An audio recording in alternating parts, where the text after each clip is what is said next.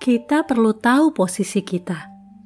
Sebab dengan mengetahuinya, kita akan lebih mudah mengatur langkah selanjutnya. Prinsip ini pun dapat diterapkan berkaitan dengan langkah apa yang akan kita tempuh selanjutnya, berkaitan dengan hak dan kewajiban dari posisi kita tersebut. Masalahnya, banyak orang yang tidak paham di mana posisinya, sehingga hal itu membuat bingung dan akhirnya mengambil jalan yang salah akibat desakan dari suara mayoritas yang didengar dari orang-orang yang memengaruhinya atau karena sekadar menuruti emosinya. Ambil waktu untuk menarik diri. Zoom out, biar tahu posisi, lalu tenangkan diri, dan akhirnya dapat mengambil keputusan yang tepat.